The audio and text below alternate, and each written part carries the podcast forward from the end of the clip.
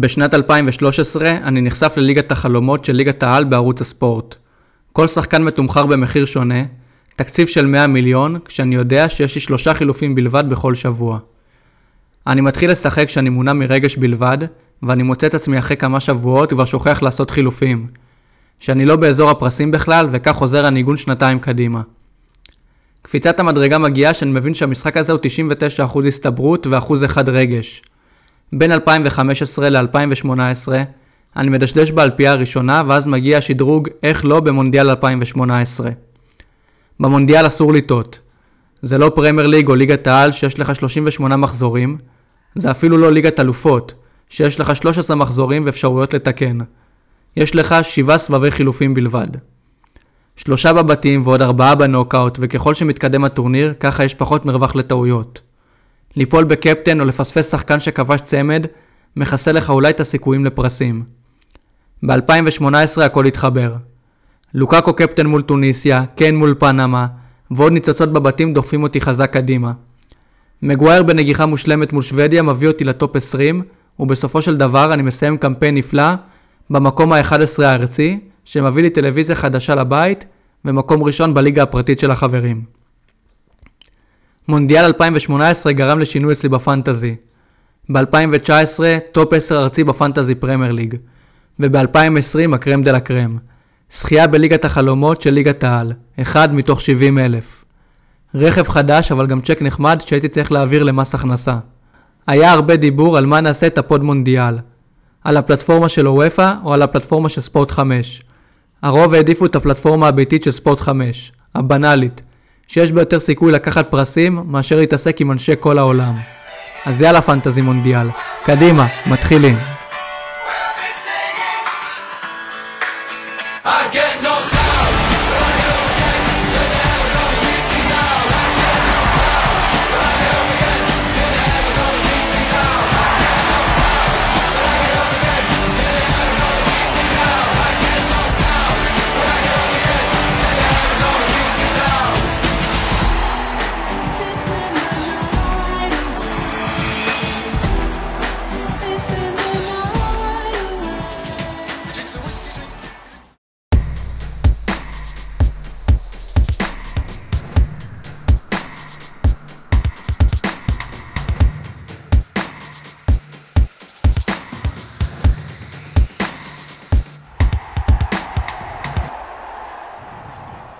אז מה קורה חברים? ברוכים הבאים לפודקאסט המונדיאל שלנו.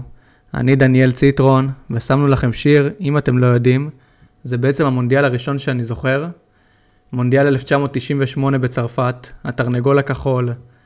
זה מהמשחק של, הפנט... של המשחק מחשב של המונדיאל. השחקתי עם בני דודים שלי בגיל 6, שמעתי שמות כמו זידן, כמו רונלדו, לא קריסטיאנו, אלא נו 9, אם אתם זוכרים. וזה באמת הזיכרון הראשון שלי, השיר הזה, ומפה אני מעביר את זה למי שמשתתף איתנו בפודקאסט, טל בן ארי, חיית פנטזי, חולה מונדיאל, חולה נבחרות, חולה קריסטיאנו רונלדו. אהלן אהלן, תודה רבה, נעים להיות פה, כיף מאוד להתארח. מה הזיכרון שלך ומאיזה מונדיאל? תשמע, לצעירים שבינינו, אני שנתון 97, Uh, המונדיאל הראשון שאני זוכר באמת זה 2006, והזיכרון הכי גדול זה כמובן זידן נוגח במטרצי. איך זה היה לראות את זה בתור ילד? גמר מונדיאל, שחקן על, שם על בכדורגל, זכה כבר במונדיאל, נוגח פתאום בשחקן, איך זה בגיל תשע לראות דבר כזה? תשמע, זה היה הלם, ועוד אני בתור ילד הייתי חולה על צרפת, לא הבנתי מאיפה זה בא. גם זה המשחק האחרון שלו, הוא פרש אחרי זה. נכון, זה היה לקראת הסוף כבר של זידן, וזה כתם שאין מה לעשות, תלווה אותו למשך כל חייו, והוא יצטרך להתמודד עם זה, ואנחנו נצטרך להתמודד עם הכתמים שיהיה לנו בסוף הפנטזי הזה, אבל... כן, בטוח יהיה קביעות. אבל ננסה למזער אותם כמה שיותר, ואני באמת אעבור אה, עכשיו נבחרת-נבחרת, נעבור ביחד, נסקר את הנבחרות, קיבלנו כל כך הרבה תגובות, כל כך הרבה הודעות שאם אתם רוצים פנטזי מונדיאל, אז הבאתי בשבילכם את הבן אדם הבאמת תותח, טל בן ארי. אה, יש כל כך הרבה שמות לא מוכרים, הרבה שמות שתזכו להכיר בפעם הראשונה, קבוצות שתשמעו עליהן. זה הולך להיות uh, מעניין, מאתגר, אבל uh, עשינו עבודה, עשינו את המחקר, וננסה לתת לכם באמת את השחקנים שלפי דעתי, לפי דעתנו, סליחה, ייתנו, לנו, ייתנו לכם את התפוקה הכי טובה, ובאמת, value per money, מי שהכי משתלם. אז uh, נתחיל עם בית א', אנחנו נעבור על הנבחרות, כמעט אחת-אחת, כדי להגיד לכם uh, באמת מי השחקנים הכי שווים, מי השחקנים שיותר בכושר, מי הפחות בכושר. לפעמים בנבחרות יש שחקנים שהם uh, שחקני מפתח בנבחרת, אבל בקבוצות הם לא בשיא, וזה באמת מתחיל בבית א', בנבחרת הולנד. השם החם של נבחרת הולנד בשנים הקודמות היה ממפיס דה פאי. הוא משחק בברצלונה כמובן, 12 שערים ושישה בשלים במוקדמות. העונה בברצלונה הוא לא כל כך שם. אה, רוברט, לבנדובס, רוברט לבנדובסקי תפס את העמדה מספר 9, ממפיס יותר בין הספסל ליציע. בפנטזי הוא עולה 11 מיליון. אה, אנחנו עדיין מתלבטים לגביו, תכף נרחיב על זה. אפשר להגיד גם שיש את דאמפריס בהגנה ב-9 מיליון, משחק באינטר, שער אחד ושתי בישולים. ברכהאוס בקישור, הוא שחקנה של אייקס, 10 מיליון, חמישה שערים וארבעה בישולים. וברכוויין, שמונה שערים ושלושה בישולים באייקס העונה, 12 מיליון. אני לא יודע אם בבית כזה, שעם סנגל, קטר ואקוודור, אנחנו יכולים להתאבד על מישהו מהולנד, ורציתי לשמוע דעתך, טל. תשמע, קודם כל, הולנד בעיניי זאת קבוצת הגנה מצוינת. יש להם הגנה נהדרת השנה, כמובן עם uh, וירצ'יל ונדייק. לגבי הולנד, לגבי שחקנים בפנטזי, חוץ מממפיס דה פאי, אני לא באמת יכול לסמוך על אף אחד שם. אוקיי, okay, ומשחק ראשון מול סנגל, היית שם שחקן ב-11 מיליון כמו ממפיס דה פאי, אחד משחקני הקישור, או שהיית נמנע בכלל מלשים שחקנים של הולנד? האמת שלא הייתי שם שחקנים של הולנד, יש uh, המון אופציות אחרות למשחק הראשון, ובטח שהם גם לא כל כך זולים, ככה שהייתי נמנע משחקנים של הולנד. אני אישית חושב, למרות ההגנה החזקה של הולנד, בוא נגיד גם מאזן שערים אדיר במוקדמות המונדיאל, 33 שערים מול 8 ספיגות בלבד, אבל אה, אנחנו יודעים שפתאום, אתה יודע, כשאתה מגיע פייבוריט, משחק ראשון, הרבה לחץ מול נבחרת שהיא לא פריירית, נבחרת סנגל, ואנחנו באמת נעבור אליה. סנגל עם מאזן שערים 15-4 בשישה משחקי מוקדמות באפריקה. הכוכב שלה כמובן סדיו מאנה, הוא עולה 11 מיליון, מתופקד כקשר. צריך להגיד שכרגע הוא בספק, אה, נפצע במדי ביירן מינכן, ונראה אם הוא יהיה כשיר למונדיאל. אה, אנחנו זוכרים את העונות הקודמות שלו בליברפול, אנחנו יודעים כמה הוא פקטור מרכזי בנבחרת, הוא בועט הפנדלים, בועט הנייחים, הוא באמת הכל יכול של סנגל, ונצטרך לעקוב אחריו. אה, האס שלי מהנבחרת הסנגלית הוא אסמאעיל עשר, הוא עולה 7 מיליון, הוא מתופקד כקשר בפנטזי, אבל הוא, העונה בווטפורד, הוא משחק כחלוץ. יש לו שישה שערים וארבעה בישולים העונה בווטפורד, הוא כבש שלושה שוערים במוקדמות המונדיאל, וגם סיכוי טוב שהוא יתופקד כחלוץ, תשע. ואני חושב שאיסמעיל עשר יכול להיות פקטור משמעותי בבית כזה, ואס לבית הזה. יש איתם את אקוודור וקטר. אקוודור וקטר לא מאריות הכדורגל, והולנד מסוגלת לספוג בכל משחק לפי דעתי, היא נבחרת מאוד מאוד התקפית. ואני חושב שאיסמעיל עשר יכול להיות אופציה מעניינת, ורציתי לדעת אם יש לך דעה לגבי נבחרת סנגל, אולי זה שחקן הגנה מעניין, או שנשאר באיסמעיל עשר. לדעתי נשאר באיסמעיל עשר. הם uh, נבחרת מאוד מוזרה כשסדיו מנו נמצא שם, אבל הוא באמת יכול להיות פקטור מאוד משמעותי ב... בתחרות הזאת, איסמעיל עשר. אז אני אישית, נראה לי שאשים את איסמעיל עשר בהרכב. זה בעצם מה שאני יוצא איתו מהבית הזה, 7 מיליון, לדעתי הוא פוטנציאל לכבוש בכל משחק. Uh, הרבה תלוי גם בסדיו מאנה, אם יהיה לצידו או לא. מצד שני, במידה וסדיו מאנה לא יהיה, סיכוי לא רע שהוא ייקח את הפנדלים ואת הנייחים, לפי מה שאני קורא ומבין בנבחרת סנגל. ועכשיו אנחנו יכולים לעבור לנבחרת אקוודור. Uh, דיברנו לפני זה על נבחרת אקוודור, משחק פתיחה נגד קטר, המשחק הראשון בעצם, יהיה לנו הרכבים רשמיים. ומי אתה יכול לקחת מנבחרת אקוודור שאנחנו יכולים ללמוד ממך, טל? תראה, נבחרת אקוודור, בעיניי קודם כל שווה לקחת הגנה במשחק נגד קטר. אני לא רואה אותה סופגת במשחק הזה.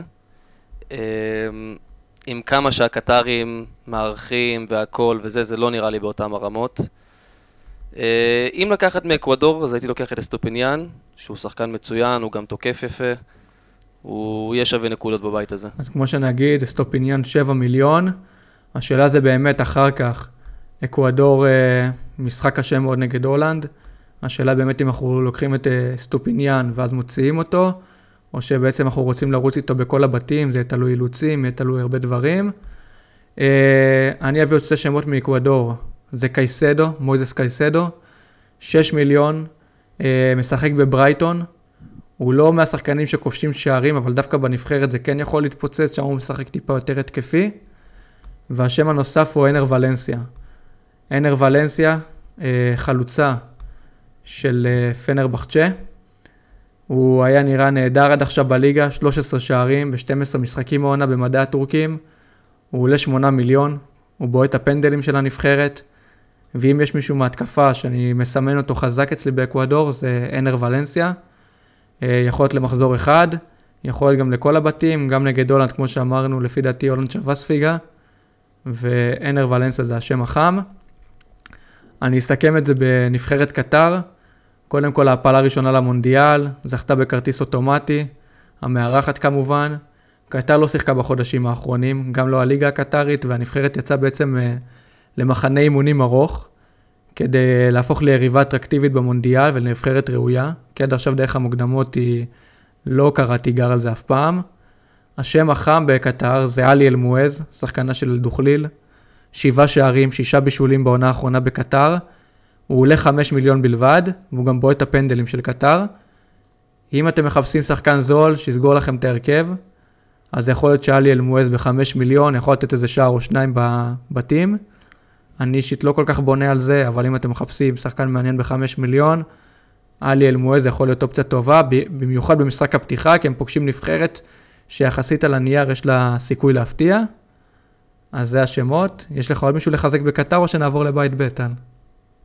רק עלי אלמואז. לדעתי אין להם עוד מה למכור. לא הייתי שם עוד שחקנים משם, וזה גם רק במצב של אילוצים, הייתי גם מכניס אותו. סבבה. אתה יודע מה? בוא נפתיע אותך. לא נעבור לבית ב'. בוא נעבור ישר לבית האחרון. או, מעניין. מעניין. כן, אמרתי בוא נעשה את זה לא לפי הסדר. נלך לבית האחרון. אה, נגיד קודם כל שאתה אוהד קריסטיאנו רונלדו ידוע, אה, חולה על... מעריץ הכי גדול שיש. ויש לו בית אה, די נוח בוא נגיד. יש לו נבחרת אדירה, לא כמו בשנים הקודמות. באמת הרבה שחקנים בכושר שיא.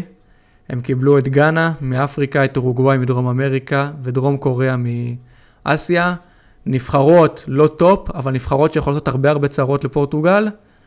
ובוא נראה אותך, מה, מה קודם כל יש לך להגיד על פורטוגל? קודם כל, לדעתי יש להם נבחרת סופר חזקה, מההגנה ועד ההתקפה. אה, בין אם זה קנסלו, דיאז, רפאל לאו שנראה מצוין, סילבה, רונלדו כמובן, שבדרך כלל בטורניר גדול הוא מגיע ויודע מה, הוא יודע מה לעשות, הוא נותן את מה שצריך לעשות. אמ, אני רואה אותם מסיימים ראשון בבית הזה. אני לא בטוח שבקמפיין כל כך קל, ש... שיהיה להם שלב בתים קל, אבל הם יסיימו ראשונים. כמה פעמים אתה רואה את פורטוגל אה, שומרת על שער נקי בבתים, אם אני לוקח את שלושת המשחקים? אמ, נגד דרום קוריאה הם ישמרו על שער נקי, ונגד גאנה אולי פעם אחת. אוקיי, אז קודם כל נגיד שהגנה, שני שחקני מנצ'סטר סיטי, ז'ואה קונסל עולה 10 מיליון, רובן דיאש 9 מיליון. יש את נונו מנדש מפריס סן ג'רמן בשמונה. אה, באמת אה, שופעת כוכבים נבחרת פורטוגל אפילו בהגנה. רפאל לאאו 12 מיליון ממילאן. אה, ברנרדו סילבה, מנצ'סטר סיטי 11 מיליון. קריסטיאנו רונלדו לא צריך להרחיב. אחרי זה באים שחקנים מדרג טיפה יותר נמוך, ז'ואאו פליקס, אנדרה סילבה. באמת, פורטוגל יכולה להיות נבחרת מאוד מעניינת, יכולה גם ללכת עד הסוף. זכתה ביורו 2016. אה, בוא נגיד גם ביורו 2016 לא היה לה נבחרת שיא, ודווקא עכשיו נכון. רונלדו מקבל נבחרת שיא שתלווה אותו. השאלה איך רונלדו יהיה בעצמו, כי אנחנו יודעים שהוא בכושר פחות טוב. יש כאלו שאומרים שאפילו הוא הורס את המשחק של נבחרת פורטוגל, זה כבר פרשנויות, אני פחות אכנס לזה. אני חושב שבטורנירים גדולים הוא בדרך כלל מגיע לעשות עבודה. נכון, ואנחנו גם זוכרים את פתיחת המונדיאל שלו בפעם שעברה, מול נבחרת ספרד. שלושה במחזור הראשון, אז אני חושב שיהיה... פלוס uh, סחיטת פנדל, דרך אגב. לא שוכחים את השתי נקודות, אתה אומר.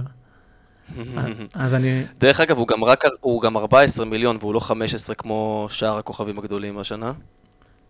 אה, אז למי שצריך לשמור איזה מיליון, יכול לשים את רונלדו. מעניין. אה, בוא נעבור לגאנה. אין בעיה. גאנה נבחרת לא רעה. יש שם כמה שחקנים לא רעים בכלל. איניאקי וויליאמס יעשה סוג של בכורה בנבחרת, אחרי שהוא כבר היה בנבחרת ספרד. אה, הוא שחקן התקפי, הוא שחקן טוב, הוא שחקן מהיר. לא הייתי שם אותו נגד פורטוגל, אני חושב שההגנה של פורטוגל מאוד חזקה, אבל הוא יכול להיות שם חם בבתים האלה. אני מסכים איתך, איניאקי וויליאמס. אה, ג'ורדן איוו, גם יכול להיות שם שם מעניין, השאלה אם הוא יפתח, אבל uh, כרגע, במיוחד במחזור הפתיחה, לא נראה לי שיש מה להתעסק uh, עם גאנה. Uh, בוא נגיד ככה, צריך לחכות ולראות איך מתפתח uh, העונה של גאנה, או קמפיין הבתים הזה, בוא נגיד ככה, כי עונה אין לנו, אבל זה יכול להיות מעניין. בקישור אפשר לציין גם כמה שמות חמים. אחד מהם זה מוחמד קודוס, 8 מיליון, משחק באייקס, פתח את העונה נהדר. אה, יכול לעשות הרבה בעיות, יכול להיות אס שיפתיע הרבה מאוד אנשים. הוא גם מאוד התקפי. נכון, מאוד התקפי, לפעמים משחק כפולס 9 באייקס, לפעמים משחק בקישור ההתקפי. נצטרך לעקוב אחריו. אם מישהו בונה לנבחרת הגנה, הייתה היום ניצחה 2-0 את שווייץ, היא מוכיחה שהיא ברמות של דרג ב' של אירופה. אז uh, גאנה יכולה להיות הסוס השחור, כמו שאומרים בבית ח'. דרום קוריאה, בואו נעבור אליה, יונג מינסון, בספק למונדיאל, נפצע נגד מרסיי במדי טוטנאם, הכוכב הבלתי מעורר של הקבוצה. אם כבר בניתי עליו, למרות המחיר היקר שלו, אני מבין שכרגע זה מאוד מאוד גבולי, ורציתי לדעת באמת אם יש לך עוד שם מעניין חוץ ממנו. לא כל כך, יש להם בהגנה את הבלם של נפולי, קים מין ג'יי, אבל לא הייתי בונה על uh, הגנה מדרום קוריאה, ובכללי שחוץ מיונג מיסון אני לא הייתי בונה על אף אחד שם. Uh, נצטרך לראות איך, אה, איך מתפתח הבתים שלהם. אני מסכים. Uh, יונג מינסון 9 מיליון, מתופקד כחלוץ בפנטזי מונדיאל. כרגע פצוע, אז אין כל כך מה לגעת בדרום קוריאה, וזה בעצם משאיר אותנו נבחרת שהיא תמיד מאופיינת כנבחרת די הגנתית. נבחרת אורוגוואי, יש לה הרבה שמות וכוכב עולה חדש. ואני אתן לך את רשות הדיבור, כי אני יודע שאתה חולה עליו. קודם כל, ולוורדה. איך אפשר להתעלם מהשחקן הזה? מה שהוא עושה העונה, והצורה שבה הוא שינה את המשחק שלו, זה באמת רמה אחרת. בעיניי הוא הולך לככב במונדיאל הזה. אני חושב שהם יעלו מהמקום השני כנראה, ואני חושב שהם uh, ייתנו פייט כמעט לכל קבוצה שתהיה מולם. אני מסכים, ולוורדה נראה בכושר רצחני במדי ריאל מדריד, הוא משחק אה, all around player, משחק איפה שבא לו, אה, מתופקד איך שבא לו, אה, מקבל את החופש, שישה שערים ושתי בישולים עונה בליגה הספרדית, עוד כמה שערים בליגת אלופות, כבש בסופר קלאסיקו, נראה באמת בכושר שיא, ודווקא עכשיו אתה יודע שסוארז וקוואני די מתבגרים, יכול להיות שוולוורדה יעשה את קפיצת המדרגה. דרווין נוניז, עוד שם חם, חלוצה של ליברפול. אה, נצטרך לראות באמת את ההרכבים המשוערים של אורוגוואי, כי אני לא מאמין שגם סוארס קוואני וגם נוניז יפתחו, אז באמת צריך לראות מי יקבל את המושכות, השחקנים הוותיקים והסמלים של הנבחרת, או הדור הצעיר יותר.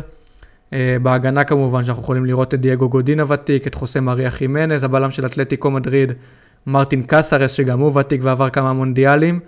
אה, כולם עולים 7 מיליון, אז באמת, אם אנחנו בונים על שחקן הגנה מאורוגוואי, אז זה, זה אפשרי בשבע מיליון למצוא, במיוחד שהם מול דרום קוריאה. אז אני... וגם במחירים לא רעים לדרום, למשחק ראשון נגד דרום אני קוריאה. אני מסכים, במיוחד שיונג בינסון כנראה לא יפתח. אז באמת אורוגוואי יכול להיות אופציה מעניינת. ובואו נחזור עכשיו לבית ב'. בית ב' יהיה עם אנגליה, איראן, ארה"ב וווילס. בית מאוד מעניין. אני חושב שקודם כל אם נתחיל באנגליה, אז uh, נגיד שהיה להם מאזן שערים פסיכי במוקדמות. הם היו בבית עם פולין, אלבניה והונגריה, שמות uh, לא רעים בכלל. מאזן השערים שלהם היה 39-3 במוקדמות, רק שלוש ספיגות בלבד. זה מראה כמה הנבחרת של סאוטגייט היא הגנתית. קשה לכבוש מולה. זה מה זה הגנתית? היא לא משחקת הגנתי, אבל מאוד מאוד קשה. קודם כל המטרה זה לא לספוג ואחרי זה לכבוש. ואני אגיד גם למה. אולי במוקדמות לא רואים את זה, כי גם יש נבחרות זוטרות. אבל אה, במונדיאל, אה, סליחה, ביורו לפני שנה וחצי, אנחנו ראינו אותה, ראינו אותה במאזן שערים עם קרואטיה, סקוטלנד וצ'כיה בבתים, מאזן שערים של 2-0 בלבד. 1-0 מול קרואטיה, רחים סטרלינג, 0-0 מול סקוטלנד, ו-1-0 מול אה, צ'כיה, שוב רחים סטרלינג, ואז בעצם הארי קיין התפוצץ בנוקאוט. עכשיו השאלה, במידה שאני לוקח שחקנים מנבחרת אנגליה, כנראה אני אקח שתיים בבית כזה, את מי אני שם? שתי שחקני הגנה, שתכף נעבור עליהם, או לקחת שחקן הגנה ואת הארי קיין, שהוא עולה 15 מיליון, וזו באמת שאלה מבחינתי. אה, קודם כל הארי קיין, חלוצה של טוטנאם, כבר עם דו ספרתי בליגה, גם בליגת אלופות הוא נראה טוב. אה, בועט את הפנדלים של הקבוצה, לפעמים גם לוקח נייחים, שם מאוד מאוד חם כרגע. הוא גם הפייבוריט בסוכניות ההימורים להיות מלך שערים, וזה שם שאי אפשר להתעלם ממנו כמובן. אה, מה דעתך, שתי הגנה או דווקא ארי קיין ועוד שחקן הגנה? בבית כזה, ארי קיין חייב להיות בהרכב, וכנראה גם שהוא לא יצא ממנו עד סוף הבתים. אה, שחקן נהדר, אמרת עליו כבר הכל, הוא גם בועט הפנדלים כמובן, הוא בכושר נפלא, ואני גם חושב שאולי הגיע הזמן שלו לתת טורניר אחד שהוא באמת מפציץ בו. כי כל פעם הוא כאילו מתחיל קצת בבתים, מקרטע, לאט לאט עולה, אני חושב שהפעם הוא יבוא להתפוצץ. מעניין, אני אישית נראה לי חושב שאני אלך על שתי שחקני הגנה כדי לחסוך בכסף, וישאיר את ארי קיין אולי לנוקאוט, כי יש עוד כל כך הרבה שמות, ואני חושב שיש הגנות שיכולות לספוג, אבל דווקא אנגליה יכולה לשמור הרבה פעמים על שער נקי, אה, במיוחד מול נבחרת איראן, תכף אנחנו נגיע אליה. אה, לגבי הקישור, יש לך איזה שם חם שהיית לוקח, או שעל הקישור היית מוותר בכלל? אני אוהב את הקישור של נבחרת אנגליה, הבעיה שלי איתו זה שיש המון המון רוטציות, אי אפשר לדעת אף פעם מי ישחק. אם כן הייתי לוקח, הייתי שם את פיל פודן, אבל תמיד יש רוטציות, אי אפשר לדעת מי יפתח שם. אז אני איתך לגבי זה, אה, באמת עניין הרוטציות אצל סאוטגייט זה משהו ידוע בקישור. פיל פודן עולה 12 מיליון, והוא באמת השם החם ממנצ'סטר סיטי. אבל לאור המצב נראה לי שאני אוותר ובאמת ילך או על הגנה או על הארי קיין. אה, בהגנה גם צריך לעקוב, סאוטגייט אוהב את האפשרות של חמישה בלמים, לפעמים הוא משחק עם ארבעה, לפעמים עם חמישה. אה, מה שכן ידוע שבשנים האחרונות הוא פחות מתחבר לאלכסנדר ארנולד, שזה די מפתיע מליברפול. אה, ריס ג'יימס היה בדרך כלל המגן הפותח, כרגע הוא פצוע, וזה משאיר אותנו באמת עם סימן שאלה לגבי התפקיד של המגן הימני. כנראה שלוק שואו יאייש את המגן השמאלי. בלמים יש את סטונס, את מגווייר, ועוד אה, נצטרך לראות את ההרכבים המשוערים. השם החם שלי בהגנה הוא דווקא קארן טריפייר, שהוא דווקא לפי דעתי המגן שיפתח, אבל באמת צריך לראות קודם כל הרכבים משוערים, ולראות אם טריפייר יפתח לפני ארנולד. טריפייר בעונה פנטסטית בניוקאסל, ניוקאסל לא סופגת המון שערים בליגה, טריפייר אה, שחקן מאוד מאוד התקפי, הגבהות נהדרות, קרנות, יכול גם לקחת נייחים, הוא בועט הנייחים של ניוקאסל, הוא עולה 8 מיליון. ואני אישית חושב שאם הוא יפתח בהרכב, אני אלך עליו. אה, אני אקח את הסיכון של הרוטציות, כי אני חושב שהוא שווה יותר משש נקודות במשחק, במיוחד במשחק הפתיחה מול נבחרת איראן. אז אה, אני אתביית על קארן טריפייר, ואם אני אשים עוד שחקן הגנה אחד, זה כנראה יהיה השוער פיקפורד. אני לא אקח סיכון עם שחקני הגנה, כי סאוטגייט ראינו אותו גם במונדיאל וגם ביורו האחרונים. עושה הרבה רוטציות בכל מיני תפקידים, ולא הייתי רוצה להיכוות בשלב הבתים. כל נקודה היא קריטית, אנחנו יודעים כמה צפוף זה מונדיאל, אז אה, זה מבחינתי. יש לך איזה שם בהגנה לא שאתה רוצה להוסיף, או שאמרתי את הכל? בתכלס אמרת את הכל, אבל אני חייב לציין על לוק שואו. למרות שלא תמיד הוא משחק ביונייטד וכאלה, בדרך כלל בנבחרת הוא משחק מצוין. אה, כמו שאמרת, הוא שווה לפעמים יותר משש נקודות, בישול, הרמה, כל דבר כזה. הוא הרבה פעמים מעורב בהתקפה ושווה לשים עליו עין. יכול להיות באמת שאתה אומר שלוק שואו, בוא נגיד את זה ככה, הוא לא, לא בשיא במנצ'סטר יונייטד, אבל איכשהו בנבחרת זה תמיד מתחבר לו, ובאמת סאוטגט מעריך אותו, ובאמת נראה אם הוא יפתח, בהרכב, אם הוא יהיה בהרכבים המשוערים, אז באמת זו אופציה מעניינת. אה, בואו נעבור לארה"ב. מקום שלישי, אחרי קנדה ומקסיקו במוקדמות המונדיאל של צפון אמריקה. ארה"ב לא בשיא שלה מבחינת uh, הבית הצפון אמריקני, אבל אה, בוא נגיד ככה, שחקנים שמשתפרים. אה, יש לה שתי שמות אה, מאוד מעניינים, פולישיץ' מצ'לסי, עולה 9 מיליון, היה עם חמישה שערים במוקדמות, העונה בצ'לסי זה פחות עובד לו, מעמדו נחלש, הוא חלק מהרוטציות בצ'לסי, ויש עוד שחקן אחד שהוא אס ב-7 מיליון, שחקנה של בורוסיה דורטמונד, ג'ובאני ריינה, אולי באמת העתיד של הנבחרת הזאת, שני שערים העונה בליגה הגרמנית. אה, אתה חושב לקחת שחקן מארצות הברית? לא, אין מה לעשות. לדעתי ברגע ששמו את, פולשיץ, את פולסיץ' ברמה של uh, 9 מיליון, יש כבר כל כך הרבה אופציות אחרות, אפילו כמו ולוורדה שעולה 9 מיליון, שהוא בעיניי הרבה יותר התקפי והרבה יותר סיכויים לנקודות, ככה שבאמת אני לא חושב שיש uh, מישהו לקחת משם. אוקיי, okay, אה, uh, הרבה פעמים שואלים אותי, יש לך איזה הגנה זולה להביא, מישהו שהוא מעניין? אז uh, בארצות הברית יש משהו מעניין אולי, יש להם משחקים נגד ווילס ונגד איראן, שהם כן יכולים לשמור על שער נקי בעיקרון. ויש את אנטוני, אנטוני רובינסון מפולאם, שתי שערים ושלושה בישולים במוקדמות המונדיאל.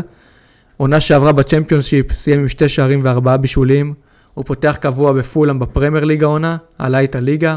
הוא משחק כמגן שמאלי והמחיר שלו הוא 5 מיליון.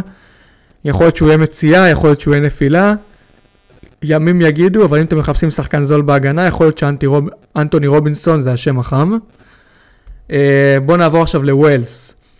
אה, קודם כל ווילס סיימה שנייה מתחת לבלגיה והעפילה דרך הפלייאוף למונדיאל. היא ספגה רק תשעה שערים בשמונה משחקי מוקדמות. גארת' בייל זה השם החם שלה, הוא עולה תשעה מיליון, הוא מתופקד כחלוץ בפנטזי, אני צריך לציין. הוא בועט את הנייחים של ווילס, הוא גם יודע את הפנדלים, את הקרנות. היו לו שלושה שערים ושלושה בישולים במוקדמות. הוא מאוד היה משמעותי בפלייאוף, צמד מול אוסטריה בחצי הגמר, ובגמר מול אוקראינה הוא גרם לשער העצמי של ירמולנקו. אה, זה השם שבאמת ידוע בווילס, הוא השם המוכר. והאם לדעתך גארת' בייל בתשע מיליון יכול להיות מסומן, או שדווקא הפעם הוא אין נפילה? אני חושב שבנבחרת גארת' בייל אה, זה לא גארת' בייל שאנחנו מכירים מהשנים האחרונות. תמיד הוא מגיע לנבחרת, הוא כובש שם כמעט תמיד שערים משמעותיים, אה, מבשל, בועט נייחים. שווה לשים עליו עין, במשחקים בעיקר נגד איראן ו... ארצות הברית. וארצות הברית. אני מסכים, אני חושב שהvalue per money שלו הוא די מעניין. אנחנו, בוא נגיד ככה, נשים אותו, אתה יודע, בטבלת אקסל ונראה מה אפשר לעשות איתו. אה, זה לוקח אותי לשם השני הבכיר בנבחרת ווילס, אירון רמזי, קשרה של ניס, עולה 7 מיליון, שלושה שערים ובישול במוקדמות, במידה וגארד בל לא נמצא על המגרש, הוא לוקח את הפנדלים.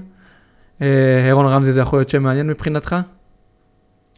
האמת שכן, הוא לא, הוא לא מתופקד כל כך אחורי, הוא יותר אה, דוחף קדימה, הוא נותן גם הרבה מסירות עומק.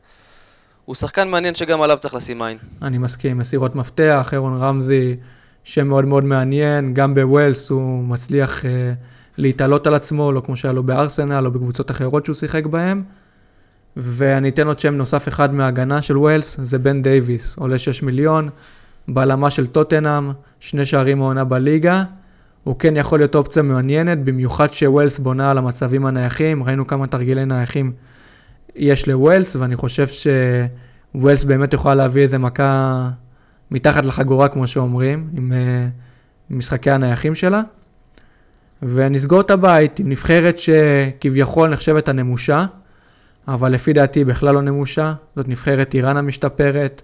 ראינו אותה עושה צרות במונדיאל הקודם לנבחרות, מאז היא התקדמה. היא סיימה במקום הראשון במוקדמות, מעל דרום קוריאה, לקחה 25 נקודות מתוך 30, ושימו לב, מאזן הגנתי מטורף. 15 שערים היא כבשה, וספגה 4 שערים בעשרה משחקים, ואני חושב שיהיה קשה מאוד לכבוש מולה. צריך לעקוב אחרי הרכבים המשוערים של ההגנה, אבל uh, קודם כל נגד אנגליה זה לא יהיה כל כך מעניין, כי כמובן לא נשים הגנה של איראן, אבל אם נחפש משהו זול למשחקים הבאים, יכול להיות שבאחד המשחקים מול ארה"ב או מול ווילס יהיה שווה לשים, אבל אה, באמת, אם מסתכלים גם על ההתקפה, פעם זה היה אזמון בלבד, במונדיאל הקודם, עכשיו הגיע שם חדש, שם בכיר, מהדי טארמי של פורטו ב-7 מיליון, בכושר שיא בליגה הפורטוגלית, מחורר רשתות בליגת אלופות, בית שהיה עם אתלטיקו מדריד, לברקוזן וקלאב ברוז' וטארמי היה שם כמעט מעל כולם. אה, אני חושב שהוא שם חם מאוד, הבעיה שהוא עולה 7 מיליון, ולנבחרת כמו איראן זה מאוד מאוד גבולי. מה דעתך, טל? קודם כל הוא באמת בכושר נהדר, הוא משחק, מי שרואה את המשחקים שלו הוא, הוא גולר אדיר, הוא באמת, יש לו חוש בתוך הרחבה. אני חושב שבמשחקים נגד הברית וגם נגד ויילס זה יכול להיות כאופציה, כמובן שלא נגד אנגליה, אה, נצטרך לראות. אוקיי, אז בואו נעשה עכשיו קפיצה שוב אה, לבית זין, סרביה, ברזיל, שווייץ וקמרון. אתה חולה כדורגל טכני, אתה אוהב את נבחרת ברזיל, ומעניין אותי ממש לדעת מי, מי השמות החמים שלך מברזיל, כי יש המון שמות בברזיל. נאמר אחד מעל כולם, אבל כל השאר זה די כזה רולטה, לא? לגמרי. תראה, ברזיל הייתה גם בקמפיין מוקדמות אדיר, ואני חושב שמאוד שווה ללכת על הגנה ברזיל. יש להם הגנה מצוינת עם אדר מיליטאו, מרקיניוס, הם, אה, הם לא הולכים לספוג הרבה לדעתי בשלב הבתים הזה. אה, יש את ויניסיוס, שאין מה להגיד עליו, הוא בעונה מצוינת גם, בכושר חם, שווה לשים עליו עין, הוא אמנם 13 מיליון שזה יקר, אבל הוא נותן תפוקה, הוא נותן נקודות. אה, כמובן שצריך להסתכל על אנטוני, רודריגו, רפיניה, כי אי אפשר לדעת מה קורה שם, מי יכול לפתוח, צריך להסתכל על הרכבים משוערים. ועוד שם שבעיניי הוא הולך לפרוח במונדיאל, אני חושב שחיסוס הולך לתת מונדיאל מאוד טוב. שווה לשים עליו עין. השאלה זה לגבי חיסוס, אני זוכר מהמונדיאל הקודם, גם אני שמתי אותו, והיה שם אה, מין כזה בלאגן עם פרמינו, תמיד היה כזה מי יותר מתאים, מי פחות מתאים, אז באמת הלכו עם חיסוס. אה, השאלה אם הוא ישחק 90 דקות קבוע או יוחלף דקה 60 ויהיה שחקן רוטציה. באמת מאוד קשה לדעת לגבי זה, מי שאנחנו יודעים שהוא בוודאות... בעונה מצוינת בארסנל. אני מסכים. אז ככה שצריך לעקוב. צריך באמת לראות uh, מה קורה שם מהרכבים. אני רק אוסיף, uh, קודם כל נאמר זה הבנקר, 90 דקות בכל משחק, uh, בעיטות uh, נייחים, פנדלים, כל מה שאתם רוצים זה נאמר. לגבי המאזן של ברזיל במוקדמות, מאזן שערים מטורף, 40 שערים מול חמישה ספיגות ב-17 משחקים. בעיקרון אמור להיות 18 משחקים, אבל המשחק של ברזיל-ארגנטינה שם פוצץ, היה בלאגן, וזה גרם ל-17 משחקים בלבד.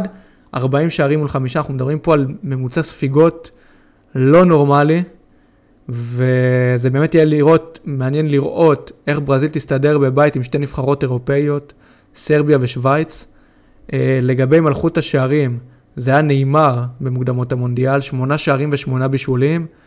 אפשר לראות שנאמר הוא פקטור משמעותי ושהכול עובר דרכו בנבחרת ברזיל. אנחנו יודעים כמה בונים עליו וכמה הוא רוצה להביא את גביע העולם לברזיל. אני חושב שהבית שהם קיבלו הוא בית לא כל כך קל. אה, סרביה ושווייץ, שתי נבחרות אירופאיות לא פרייריות בכלל, תכף נגיע, גם קמרון, נבחרת שיכולה לעשות צרות, ברור שברזיל הפייבוריטית לסיים ראשונה, ובזה נסכם את זה. לגבי uh, שווייץ, אני רוצה איזה אס משם. אס, אס משוויץ, אוקיי. אמ, אס משוויץ יכול להיות אמבולו. אני חושב שהוא חלוץ מצוין שאיכשהו מפוספס טיפה.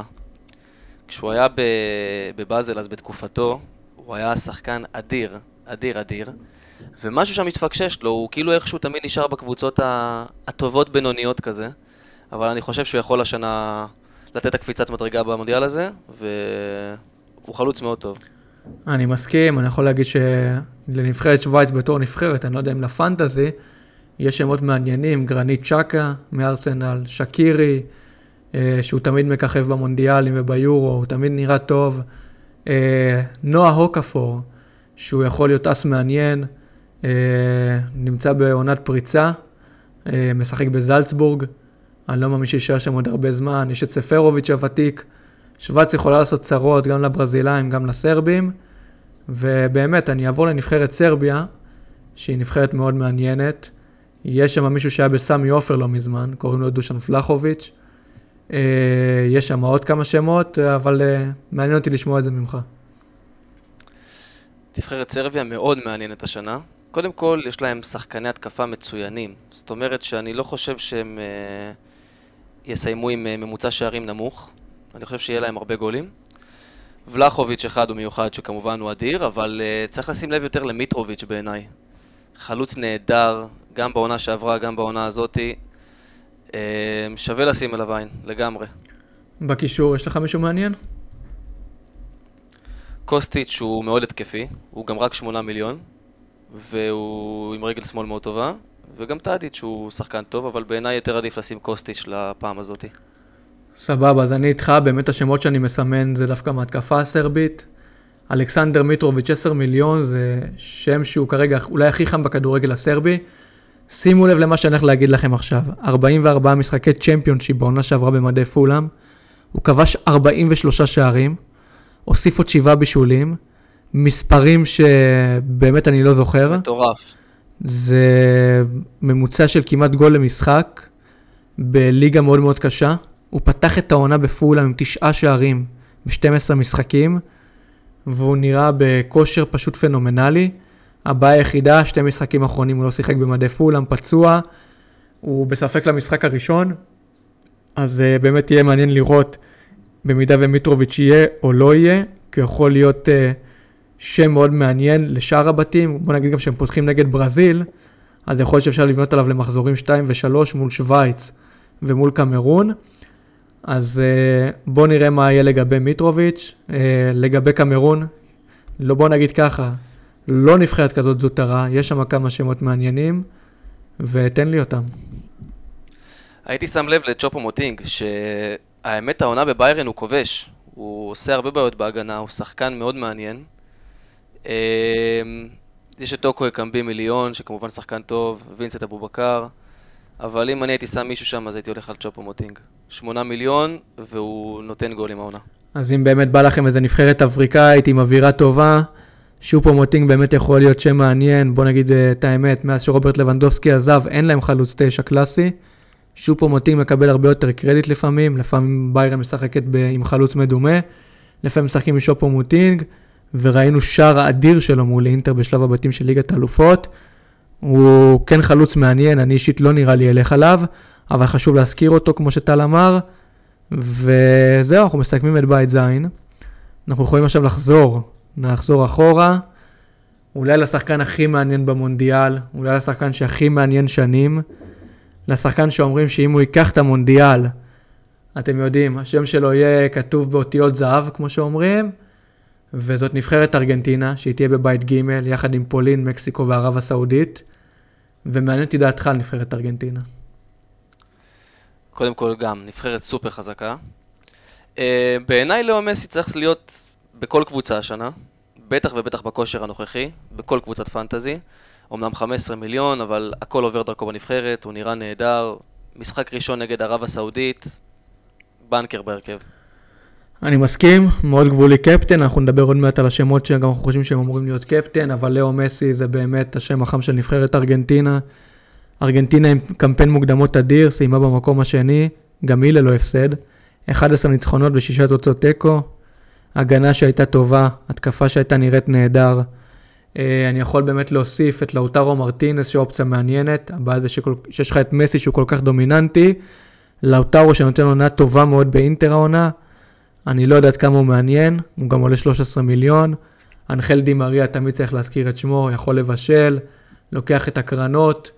אה, זה שם יכול להיות מעניין מאוד. הבעיה זה המחירים שהם עולים.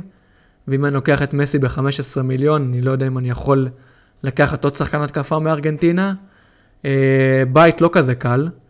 כן, יש את ערב הסעודית שהיא הנמושה, אנחנו נגיע אליה תכף, אבל אה, מקסיקו ופולין זה נבחרות לא פראייריות בכלל, אחת אירופאית מעניינת מאוד, עם אה, חלוץ אדיר. ובואו נעבור לנבחרת מקסיקו, שהיא סיימה ראשונה ביחד עם קנדה את הבעיה של צפון אמריקה. אני רק אגיד דבר אחרון, כי עכשיו נזכרתי לגבי ארגנטינה, הרבה שואלים אותי על שחקני הגנה, אנחנו צריכים לעקוב אחרי הרכבים המשוערים, היה שם הרבה רוטציות בנבחרת. Uh, השם שאני סימנתי כרגע הוא טליאפיקו, הוא עולה 8 מיליון, אבל סיכוי לא, לא רע שנראה אחד, אחד מהבלמים או אחד המגנים, שדווקא יהיה זול ב-5 או 6 ויפתח בהרכב, ובמיוחד במחזור ראשון מול ערב הסעודית, זה יכול להיות מעניין. אז uh, באמת יש לך אולי איזה שחקן מעניין מהגנה שאתה יודע שיפתח בארגנטינה, טל? האמת שבארגנטינה, בגלל כל הרוטציות, הייתי פשוט שם את השוער, אמליניו מטינז. הכי קל, הכי פשוט, בלי כאבי ראש. בעיניי נגד ערב הסעודית כנראה 6 נקודות בטוחות. מעניין, מעניין באמת מרטינז, אולי באמת זה יפתור את הכל. אה, בואו נחכה לראות את ההרכבים המשוערים, ועכשיו בעצם נעבור למקסיקו. אה, קודם כל אני אגיד שראול חימנז, חלוצה של וולפס, הוא גם היה מלך השערים שלה במוקדמות, פצוע. זה משאיר אותנו עם המון סימני שאלה לגבי האחות של מקסיקו. השם המעניין ביותר מבחינתי הוא ארווינג לוזאנו, שחקנה של נפולי. הוא ווינגר מעולה, שלושה שערים ושלושה בישולים בנפולי העונה. לא צריך להרחיב על העונה של נפולי, כמובן שהוא לא השם החם בנפולי. דיברנו כבר על חביצה בעבר בליגת אלופות ועוד הרבה שמות שעושים שם חיל, אבל uh, יכול להיות במקסיקו באמת יעשה התקדמות. Uh, קמפיין המוקדמות שלו לא היה טוב, בוא נגיד את זה ככה, אז אני לא יודע אם שווה כל כך להמר עליו. Uh, אס שיכול להיות מעניין, זה הנרי מרטין, הוא אופציה מעניינת בחמש מיליון בחוץ של מקסיקו, במידה והוא יקבל את חולצת ההרכב. היה לו שתי שערים במוקדמות, 13 שערים ושישה בישולים עונה בקלוב אמריקה, אה, בליגה המקסיקנית. הוא יכול להיות האקס פקטור בנבחרת, באמת צריך לראות רק מה קורה עם ראול חימנז, ואם הוא יהיה אה, החלוץ הפותח של מקסיקו. ובאמת גם שאלה מעניינת מי יבוא את הפנדלים אחרי שראול חימנז, חימנז נפצע. אה, יש לך עוד שם מעניין אולי שאני יכול לקחת ממקסיקו? אמ, בעיקר הייתי לוקח רק את הנרי מרטין. אני חושב שבvalue שלו בחמש מיליון, ואם באמת ראול חימנז לא יפתח ויישאר פצוע, הוא יכול לתת תפוקה ולתת גולים, ושווה לראות. אז סבבה, אנחנו עוברים באמת לנבחרת השלישית בבית, נבחרת פולין. אה, מעניין אותי מה אתה חושב, לקחת את רוברט או לא לקחת את רוברט? לצערי רוברט של הנבחרת זה לא רוברט של אה, ביירן וברצלונה. הוא גם מאוד יקר, גם בית לא קל בכלל, וגם אה, אין לו את העזרה שיש לו בכל, אה, בכל שאר הקבוצות שהוא שיחק בהן, ואני לא חושב ששווה להשקיע בו ב-13 מיליון. אז אני גם חושב כמוך, למרות שהוא השם החם של ברצלונה, ולמרות שהוא מלך פולין, בוא נגיד את זה ככה, אה, עדיין יש לו בית לא קל, גם ארגנטינה, גם מקסיקו. השווי שלו לעומת חלוצים אחרים, שעוד נגיע אליהם, כבר דיברנו על חלק, על ארי קיין, על מסי, אני חושב שהשווי שלו לא משתלם. ויש גם את ג'ילינסקי, שחקנה של אה, נפולי, עולה 9 מיליון, אני גם חושב שהvalue per money לא שווה פה כל כך. ובעצם את זה נסכם את פולין. אולי באמת במשחק חד פעמי מול ערב הסעודית יהיה אפשר לשים את רוברט, אבל אני לא יודע אם אני אעשה חילוף בשביל זה. צריך לראות באמת אילוצים, דברים, אבל כרגע זה פחות מעניין. לגבי ערב הסעודית, אני לא ארחיב יותר מדי. היא אחת הנבחרות החלשות במונדיאל, לא הייתי שם שחקנים משם. אה, מה שכן, הפתיע במוקדמות, היא סיימה במקום הראשון, אפילו מעל יפן, אבל עדיין לא הייתי בונה עליהם או משהו כזה. נבחרת שלפי דעתי לא תכבוש כמעט ותספוג יחסית הרבה, אז אה, באמת בוא נמשיך הלאה. וזה מביא אותי לבית ד', אלופת העולם נמצאת שם, נבחרת צרפת. Uh, הרבה התלבטויות יש בין קיליאן אמבפה לקרים בן זמה, חלוצים יקרים מאוד, שאפתניים מאוד, ומעניין אותי דעתך, קיליאן אמבפה או קרים בן זמה? אה, פשוט וקל קיליאן אמבפה. הכושר, העוצמות שלו, המהירות שלו, אני חושב שאם איך שהוא נראה אי אפשר בכלל להשוות, לה... להשוות במי לבחור. אז אני חושב כמוך, בעיקר בגלל שבן זמה, מאז זכיית כדור הזהב, לא כל כך uh, חוזר לעצמו. Uh, ראינו שבמחזורים האחרונים הוא התלונן על עומסים בריאל מדריד ולא שיחק. אני לא יודע אם הוא ישלים 90 דקות. מה שדווקא כן הסימן שאלה הגדול אצלי זה אם הוא עיוות את הפנדלים או שדווקא קיליאן אמבפה עיוות. מהדאטה שלנו, מהאנליטיקה שלנו, ממה שאנחנו בודקים את נבחרת צרפת, קיליאן אמבפה מגיע להרבה יותר מצבים מקרים בן זמה בנבחרת. הוא יודע לייצר יותר מצבים, הוא יודע יותר לבשל מאשר קרים בן זמה. ואני חושב שקיליאן אמבפה זה השחקן הכי חשוב בנבחרת צרפת היום. אולי השחקן שיכול להביא לה את המונדיאל שוב. וזה השם החם שלי בחוד, כמובן שיותר מקרים בן זמה. לגמרי. אה, שחקני הגנה, אה, יש לך מישהו מעניין? תראה, אה, לא זימנו את מנדי מריאל מדריד, שזה היה באמת הפתעה גדולה בעיניי. אני חושב שהוא מגן נהדר ויש לו מקום בסגל, אבל ברגע שהוא לא זומן, אז המגן השמאלי תאו הרננדז, שגם הוא מאוד התקפי, הוא חייב לדעתי להיות בהרכב פנטזי. שחקן נהדר, גם במילאן, הוא גם כובש, הוא גם מבשל, הוא עולה המון, וצריך לשים עליו עין. אני מסכים, תיאו ארננדז נראה נהדר העונה, גם דיברנו עליו בפנטזי ליגת האלופות, הוא עשה עבודה לא רעה בכלל. אה, ואני אוסיף עוד שחקן אחד, שלפי דעתי הוא שחקן מאוד מאוד משמעותי בנבחרת צרפת, אולי אה, הגול שלו בנבחרת צרפת היה הכי מוכר במונדיאל שעבר מול נבחרת ארגנטינה. אה, בנג'מין פבר, משחק כמגן ימני, יכול לשחק גם כבלם, בעקבות מצוקת הבלמים של נבחרת צרפת. עולה לכל קרן, משחק ראש טוב, כבש שערים בביירן מינכן העונה בקרנות. הוא יחסית עולה יקר 9 מיליון, אבל אני חושב ששתי המשחקים הראשונים הוא יפתח, והוא יכול להיות פקטור מאוד משמעותי בשני המשחקים הראשונים, גם מול נבחרת אוסטרליה וגם מול נבחרת דנמרק. Uh, הפתיחה היא מאוד חשובה, ואני חושב שפבר יהיה אצלי בהרכב מול נבחרת אוסטרליה. Uh, לגבי הקישור, הוא די אפור. אני לא רואה פה איזה שחקן שאני יכול לשים אותו בנקר, ואני די אוותר, זה יהיה מבפה ופבר לפי דעתי. אתה היית מתעסק עם הקישור של צרפת? לא, כי יש שם גם המון רוטציות, וגם באמת שאי אפשר לדעת מי יפתח. זה רק להסתכל על הרכבים משוערים, אבל בבית כזה, כשיש לך קיליאן אמבפה שהוא חייב להיות אצלך, עדיף לשים כבר שחקן הגנה ולצאת מהכאב ראש הזה. זה גם באמת יהיה מעניין לראות מבחינת מונדיאל, איך צרפת תיראה בקישור, ככה רגילים לפוגבה ורגילים לקנטה, ושניהם לא יהיו במונדיאל. אז uh, צרפת זאת חידה מאוד מעניינת. ניתן לכם נתון שהוא מאוד מאוד מעניין. בשלוש המונדיאלים האחרונים, אלופת עולם הודחה בבתים. זה קרה לגרמניה ב-2018, זה קרה לספרד ב-2014, וזה קרה לאיטליה ב-2010, וזה גם קרה לצרפת ב-2002. היחידה שעשה את הרצף זאת ברזיל ב-2006, אבל uh, זה משהו שמעניין, הרבה לחץ יש על אלופות עולם, ודברים שאנחנו לא מצפים אף פעם קורים, אבל uh, למזלה של צרפת נראה לי יש לה בית יותר מדי נוח, אז uh, היא כן תעפיל. אז בסדר, עכשיו זה מעביר אותי אולי לנבחרת הכי, הכי מעניינת אולי בבית, ושעשתה חצי גמר ביורו האחרון, ששחקן שלה כמעט מת במשחק הראשון ביורו, אבל חזר לחיים ויחזור למונדיאל, קוראים לה נבחרת דנמרק, מאזן שערים אסטרונומי בבית הישראלי, 30 שערים מול שלוש ספיגות בלבד. היא הייתה בבית עם סקוטלנד ואוסטריה, כמובן שגם עם ישראל, ונתנה קמפיין מטורף. אה, השם החם שלי, יואקים מאלה, חמישה שערים במוקדמות המונדיאל, מתופקד כשחקן הגנה, אבל ווינגר במערך של חמישה שחקני הגנה בנבחרת דנמרק, הוא המגן של אטלנטה ועולה שמונה מיליון.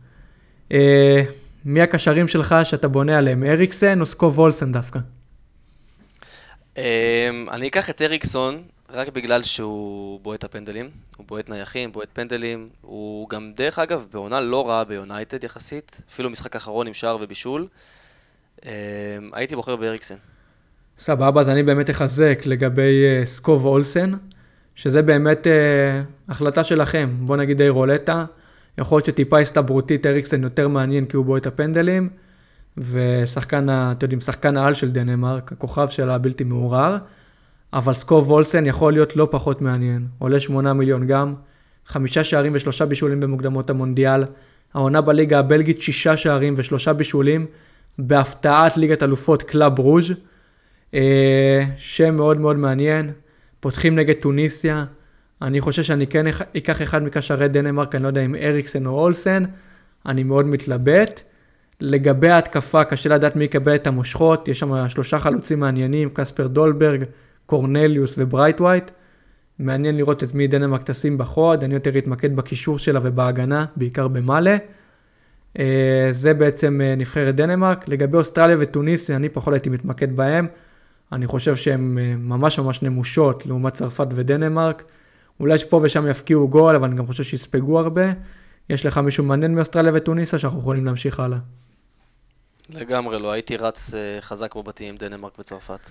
אני מסכים לגמרי. Uh, בית A, uh, גרמניה, אלופת העולם 2014. Uh, יש לך איזה שם שאני יכול לקחת ולהיות רגוע לגביו? האמת שבגרמניה אין לי, משהו, אין לי מישהו שאני יכול להיות רגוע לגביו. אני... המון רוטציות, זה קודם כל. ואני משום מה לא, לא חושב שהם הולכים להיות טובים כל כך המונדיאל הזה.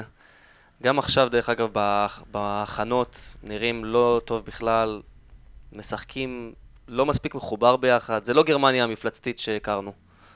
אני מסכים איתך לגמרי. בוא נתחיל מזה שגרמניה בבית לא קל. יש לה את ספרד, יש לה את יפן, ונמושה אחת קוסטה ריקה. בוא נגיד מיפן לקבל אותה בדרג השלישי, זה לא אה, נבחרת קלה לעבור. אה, ספרד, אה, זה יהיה מאוד מעניין, גרמניה מול ספרד, זה במחזור 2, זה די תקוע באמצע. ובאמת לגבי גרמניה יש הרבה רוטציות, טימו ורנר נפצע. אין כל כך שחקן שהוא מטרה בנבחרת גרמניה שאתה יכול לדעת כמו ארי קן או רוברט לבנדובסקי או אמבפה, אין שם חם. זה באמת יכול לנוע על הסקאלה של גנברי, סאנה, ו... גנברי, סאנה ומולר. אה, יכול להיות שמישהו מהם יתפוצץ במחזור הראשון מול יפן, אבל גם יכול להיות שלא, וקשה לדעת מי. במידה ומי, אני חושב שזה דווקא גנברי, אבל קשה לדעת אם הוא יפתח, אם הוא ישחק מעל 65 דקות. זה מאוד מאוד מעניין. אה, שתי... גם צריך לזכור שהוא 12 מיליון גנברי, זה לא זול לשחקני פנטזי. בדיוק, value per money, כנראה שזה לא משתלם, זה גם סיכון מאוד מאוד גבוה. אה, שתי שמות מעניינים שאני יכול להביא מהקישור, זה קאי אברץ ב-9 מיליון, שחקנה של צ'לסי, בדרך כלל הוא מקבל קרדיט בנבחרת, אבל גם הוא לא משחק 90 דקות, אז זה גם קצת יכול להיות מפחיד, במיוחד מול נבחרת יפן. משחק פתיחה לא קל לפי דעתי. ובועט הפנדלים של הגונדוגן, שחקנה של מנצ'סטר סיטי, גם הוא ל-9 מיליון, ודווקא בנבחרת הוא מתעלה, והוא יודע לכבוש שערים, אבל עדיין אם זה לא שווה, אני לא יודע אם זה שווה לשים אותו בפנטזי, אבל זה השמות שאני יכול באמת לתת למאזינים ב-9 מיליון, האברץ וגונדוגן.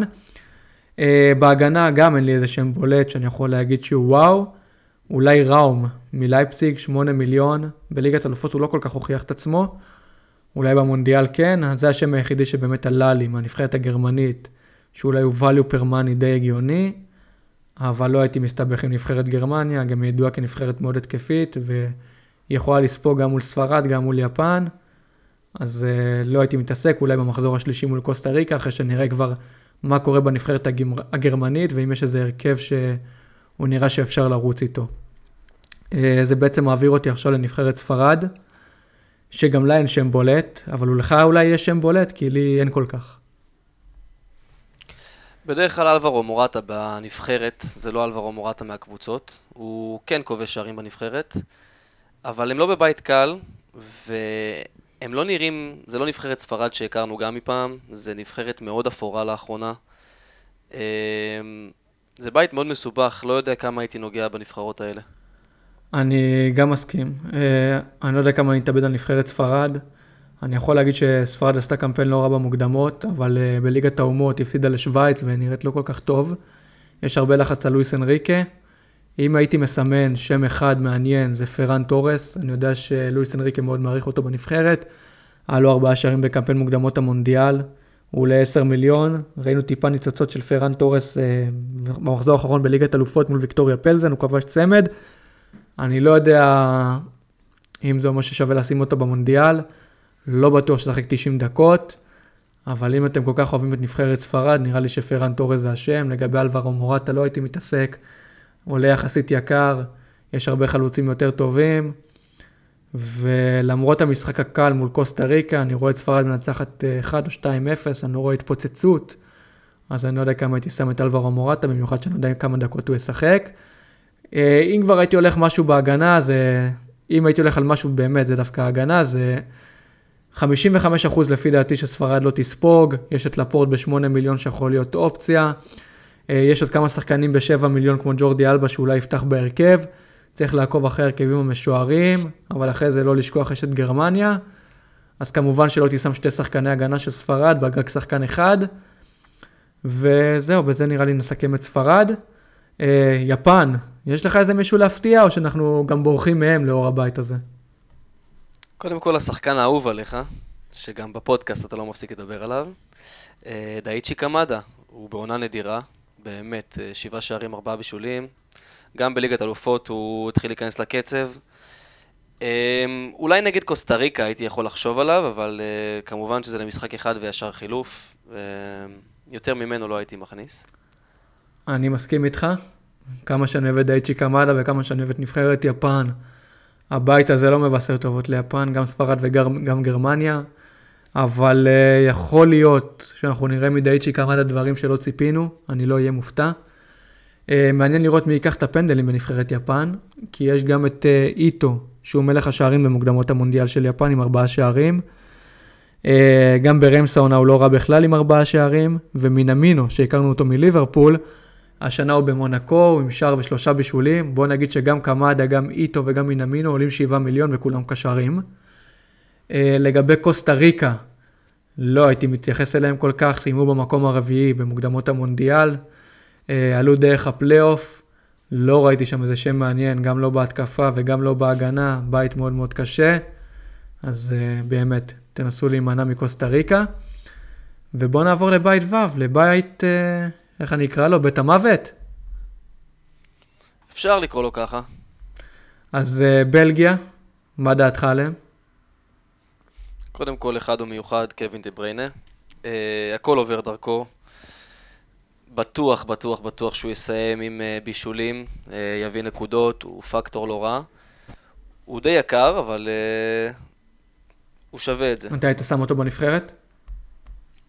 ב-14 מיליון לא, אבל... Uh, כי יש עוד הרבה אופציות טובות אחרות, אבל uh, אם מישהו ישים אותו, הוא יקבל ממנו נקודות. אם יש למישהו את האופציה איך לדחוף אותו, יחד עם שחקנים כמו אמבפה וכאלה, הוא ייתן לו נקודות לדעתי. אתה אומר ככה, הוא כן יביא נקודות, אבל אם אתה לוקח את השחקנים שעולים 15 או 14, כמו מסי, כמו אמבפה, כמו ארי קן, לדעתך יותר שווה לשים אותם מאשר קווין דה בריינה, כי הפוטנציאל נקודות שלהם הרבה יותר גבוה. לגמרי, וגם הם בבית די קשה. אני מסכים, הבית אה, זה משהו שהוא די חורה לי, בית המוות עם קורטיה, מרוקו וקנדה. אה, אני אעבור באמת אה, לקורטיה תכף, אבל יש לי אס אחד מבלגיה שאני חייב להגיד אותו. זה טרוזארד, 8 מיליון, קשרה של ברייטון, עונה פסיכית, עם שבעה שערים ושתי בישולים, שלושער אדיר באנפילד מול ליברפול. אני חושב שטרוזארד יכול לעשות את קפיצת המדרגה, השאלה כמה הוא יקבל את המושכות בנבחרת בלגיה. אנחנו יודעים כמה כישרון יש להם בקישור וכמה אופציות, וזה באמת יהיה לראות אה, אם טרוזארד ישתלב שם. אולי אחרי מחזור אחד יהיה אפשר להגיד על טרוזארד אה, כמה דברים. כרגע הוא נמצא בטבלת האקסל, אבל לא יפתח אצלי בהרכב. אבל זה שם שחייב להזכיר. לגבי הגנה, פחות הייתי מתעסק עם הגנה. אני חושב שבלגיה שווה ספיגות בבית כזה. אה, יש נבחרות טובות מולה, תכף נגיע אליהם בהמשך. ותומא מוניה שהיינו רגילים עליו אולי מהיורו, מהמונדיאל הקודם, לא חושב שהפעם זה value per money טוב, ובזה הייתי מסכם את ההגנה של נבחרת בלגיה. ובואו נעבור עכשיו לנבחרת קורטיה, הפיינליסטית. מ-2018, הפסידה בגמר לצרפת, הפתיעה את כולם. אה, מודריץ', אה, שהוא לא שחקן פנטזי וואו, אבל שחקן אה, כדורגל מדהים. ורציתי לדעת אם יש לך מישהו שאתה רוצה לקחת מקרואטיה. קודם כל גם מודריץ' בקרואטיה הוא, הוא פקטור מאוד חשוב בנבחרת. הרבה דברים עוברים דרכו, בין אם זה הבעיטות שלו מרחוק, ההכנסות כדור. וכמובן תמיד פריסיץ' מגיע לנבחרת. הוא גם בנבחרת וגם האמת שבטוטנאם הוא נותן עונה לא רעה בכלל. אה, הוא שווה עשרה מיליון, ככה שאני לא יודע כמה הייתי מתעסק בו, אבל, אה, אבל הוא שחקן טוב. אז אני, יש לי בעיות תמיד עם פרישיט, שאני תמיד אה, לא סופר אותו, למרות שאני יודע שהוא שחקן מדהים, ואיכשהו תמיד בנבחרת הוא מתפוצץ ומביא נקודות. אה, באמת יהיה מעניין אם אני אקח את הסיכון ואשים אותו, כרגע הוא לא נמצא אצלי בהרכב. גם 10 מיליון זה די יקר, אז לא יודע אם הייתי נוגע. נגיד שבועט הפנדלים זה מודריץ', גם בועט הפנדלים בריאל מדריד כרגע, כשבנזמה לא נמצא. אני חושב שמודריץ' מבחינת אה, מסירות מפתח, יש לו כמה במשחק, אבל בכללי הוא לא שחקן של מספרים. בגלל זה הייתי נמנע, הוא יחסית די יקר, אז uh, אני חושב שיש שחקנים יותר מעניינים ממודריץ'. ושוב, הבית הלא כל כך קל הזה, uh, נותן לי בעצם להימנע מקורטיה. אבל כן חשוב לי להזכיר את מרוקו ואת קנדה. Uh, נתחיל במרוקו, יוסוף א-נסירי, חלוצה של סביליה, עולה 7 מיליון. חכים זיאש בקישור, 8 מיליון, הגיע מאייקס בכל תרועה לצ'לסי. בצ'לסי זה לא כל כך מצליח, אני חשבתי שזה כן יצליח, אבל זה כרגע לא קורה. ושחקן שאנחנו רגילים לראות בפנטזי ליגת אלופות שעולה 10 מיליון, פתאום עולה 6 בלבד. קוראים לו אשרף חכימי מפריס סן ג'רמן. אה, שם שיכול להיות אופציה מעניינת לדעתך, או שהיית מוותר גם עליו? בבית כזה לא הייתי נוגע בו. אמ, חושב שמרוקו שווה ספיגה, בטח במשחקים נגד קרואטיה ובלגיה. אה, וגם קנדה שהיא לא נבחרת רעה, ואני לא חושב שהייתי שם את הכסף שלי על מישהו מהם. אני איתך לגמרי פה. אה, קנדה, הסוס השחור לפי דעתי של הבית, ואולי הסוס השחור של המונדיאל, אני לא אתפלא אם היא תעפיל לשלב הבא. אה, הכוכב של אלפונסו דייוויס מביירן מינכן, קנדה בהתקדמות אדירה מבחינת כדורגל, סיימה במקום הראשון במוקדמות המונדיאל ביחד עם מקסיקו, ויש לה כמה שמות מעניינים, אה, דעתך עליהם? נבחרת טובה, נבחרת שתעשה הרבה בעיות בבית הזה, אני חושב שלכל נבחרת יהיה קשה לשחק נגדה. אה, אלפונסו דייוויס מתופקד כקשר וגם בשמונה מיליון, ככה שזה די מוריד את, ה... את הערך שלו לדעתי. לא הייתי נוגע בו, למרות שהוא...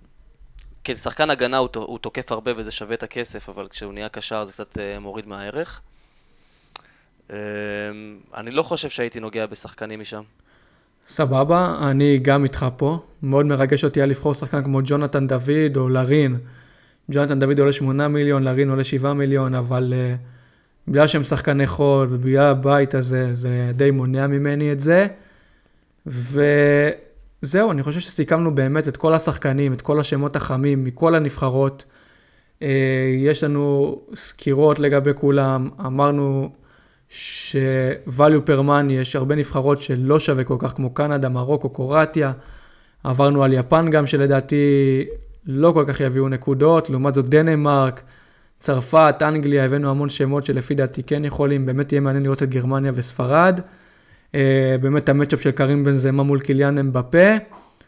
ובואו נראה מה יהיה לגבי זה. אני אעבור איתך עכשיו לגבי המחזור הראשון של שלב הבתים, דיברנו על זה קודם, קצת, אתה יודע, כשדיברנו על שחקנים וכאלו, עכשיו אני אדבר איתך ספציפית. אה, אם אתה לוקח שחקנים מקטר נגד אקוודור. אולי אחד. אולי אחד, ואם כן זה יהיה נר ולנסה מפנר בחשה. או נר ולנסיה או שחקן הגנה מאקוודור. סבבה, לגיטימי לגמרי לפי דעתי. אני חושב שכן קטר, קטר יכולה לעשות צרות לאקוודור, במיוחד במשחק הפתיחה. אתם יודעים, זום אין מכל העולם, הרבה מאוד לחץ, קטר באים משוחררת. עלי אלמואס, 5 מיליון, גם יכול להיות באמת אופציה מעניינת. אה, מעניין יהיה מה לראות מה יהיה במשחק הפתיחה, משחק שנראה די אנדרי, בוא נגיד ככה, בשערים. אבל אולי יהיה הפתעות. ובואו נעבור למשחק השני, אנגליה נגד איראן. אה, שני שחקנים מאנגליה, לא? שני שחקנים, הארי קיין לפחות אצלי, ועוד איזשהו שחקן הגנה. צריך לראות אה, לפי הרכבים שונים. אתה אומר כרגע הפייבוריט זה לוק שואו מבחינתך. לדעתי, אז כן. אז אני מבחינתי זה טריפייר, אבל באמת נראה אם uh, טריפייר יפתח, ואם לא, באמת נעבור אולי לסיטואציה של אה, לוק שואו. אני אישית לא יודע אם אני אשים את הארי קיין. אה, די קורץ לי לשים עוד הגנה אנגליה, ולשמור את הכסף לשחקן התקפה אחר, שיכול אולי להפתיע במחיר די זול. אה, סנגל הולנד, יש מישהו שתשים משם? לא במשחק הזה. אה, אולי מאילוצים את איסמעילה סאר, שהוא רק 7 מיליון, אבל אה, אני לא חושב שאני מתכוון לגעת במשחק הזה. אוקיי, אז אני, לא, אני דווקא כן בטוח שאני אשים את איסמעילה סאר למשך כל הבתים, 7 מיליון. מרגיש לי שבכל משחק הוא באמת יכול לשים את הגול, אמרתי את זה כבר. ואני גם לא אופתע אם זה יקרה מול הולנד, כל הלחץ על הולנד, אני חושב שאיסמעילה סאר יכול להפתיע, ואני חושב שסנגל אה, גם תפתיע במונדיאל. ארצות הברית ווילס. הייתי שם את גארת' בייל, אבל הבעיה שלי שהוא גם תשעה מיליון וגם הוא מתופקד כחלוץ, ככה שזה מוריד לדעתי מאוד את הערך שלו. Uh, פחות נקודות לשער וכולי. Uh, ולכן זה עוד משחק שאני כנראה לא אגע בו. לגיטימי לגמרי. אני גם אישית אה, לא רואה מישהו שאני שם מווילס או מארצות הברית. אולי אם אני צריך איזה שחקן זול, אולי אני אקח הגנה של ווילס, אולי את בן דייוויס, אבל רוב הסיכויים שזה לא יקרה. אה, ובואו נעבור, נבחרת ארגנטינה נגד נבחרת ערב הסעודית. אה, לאו מסי כבר אמרנו, ואתה תשים את מיליאנו מרטינז? כן, כנראה שאני אלך על השוער, כי באמת שאני לא בטוח במי יפתח שם בהגנה, ומרטינז גם בעונה טובה, נראה לי לגיטימי. איזה כיף קודם כל, בוא נגיד, כמעט כל, כל יום יש ארבעה משחקים, ארגנטינה בשעה 12, יהיה מעניין מאוד לראות את זה תוך כדי העבודה. אה, וזהו, יהיה ממש מעניין לראות את לאו מסי וחבורתו מול סעודיה. אה, שעה שלוש לאחר מכן, דנמרק נגד טוניסיה. אה, גם משם שתי שחקנים או רק שחקן אחד? אני אלך כנראה בינתיים רק על, אריק, על אריקסן, אבל יכול להיות שגם אני אשים שחקן הגנה. אז בוא נגיד ככה, דנמרק במחזור השני מול נבחרת צרפת, אז השאלה אם אנחנו הולכים על שחקן אחד מדנמרק או שני שחקנים, כי נגד טוניסיה באמת שווה שני שחקנים, אבל מול צרפת אני לא יודע אם היא שווה שחקן אחד. השם החם שלי זה יואקי מאלה, הוא יהיה אצלי בהרכב, בעיקר מול טוניסיה. אה, אני אראה את שאר ההרכב שלי, לראות אם אני אשים שתי שחקנים מדנמרק ולהוסיף אולי את סקוב אולסן ב-8 מיליון בקישור. עדיין לא בטוח, צריך לראות uh, מה מומי, אבל מאלה בטוח יהיה אצלי בהרכב. Uh, מקסיקו מול פולין, יש לך שם מעניין. לא הפעם, אני אשמור את לבנדובסקי למשחק אחר. אני איתך לגמרי. Uh, צרפת אוסטרליה? כמובן אמבפה. Uh, בעיניי הוא הולך להיות אדיר המונדיאל הזה. Uh, וכנראה שגם שחקן הגנה. וכנראה שהם גם לא יצאו לאורך כל הבתים. אולי, אולי נגד דנמרק אני אציא את השחקן הגנה, אבל גם זה כנראה שלא יקרה. אז זה באמת יהיה מעניין לראות, כי גם שתי שחקני פוטנציאל קפטן משחקים באותו יום. אנחנו נגיע לזה בהמשך, גם מסי מנבחרת ארגנטינה ב-12 בצהריים, וגם אמבפה בשעה 9 מול אה, נבחרת אוסטרליה. אה, מעניין יהיה לראות את אה, צרפת ואת ארגנטינה. יום לאחר מכן מתחיל ב-12 בצהריים, מרוקו קורטיה, בית המוות. כנראה שלא ניגע שם, נכון? לא, לא ניגע שם. וגרמניה-יפן? אני חושב שגרמניה יעשו קמפיין חלש, אז כנראה שלא. לא נוגע כנראה באף אחת. אני כן אשקול את קמדה נגד קוסטה ריקה, אבל uh, לא יותר מזה. סבבה, אני איתך פה. Uh, ספרד נגד קוסטה ריקה, אז uh, תלך על מורטה או שתוותר? לא, אני אוותר על מורטה. אה, יכול להיות שאלך על שחקן הגנה מספרד, אם באמת נראה שאחד מהשבעה מיליון שם שכן יכולים אולי לשחק, אמורים לפתוח, נראה לפי הרכבים שוערים, יכול להיות שאני אשים שחקן הגנה מספרד. אה, אני מסכים איתך, באמת יהיה מעניין לראות, אבל גג שחקן אחד, כי אחרי זה גרמניה. אה, פרן תורס גם, אני מעלה אותו כאופציה, אבל הוא קצת יקר לי.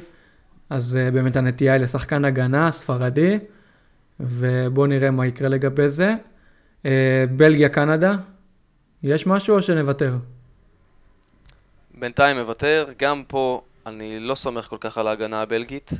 אין שם שמות מפוצצים כמו פעם, ולכן בינתיים אני אוותר. אז אני איתך, אני איתך לגמרי, אני לא אופתע מאף תוצאה בין בלגיה לקנדה. מעניין לראות אה, את בלגיה בלי לוקאקו, ובואו נראה מה יהיה שם. אחלה משחק לפי דעתי, לדעתי גם עם גולים.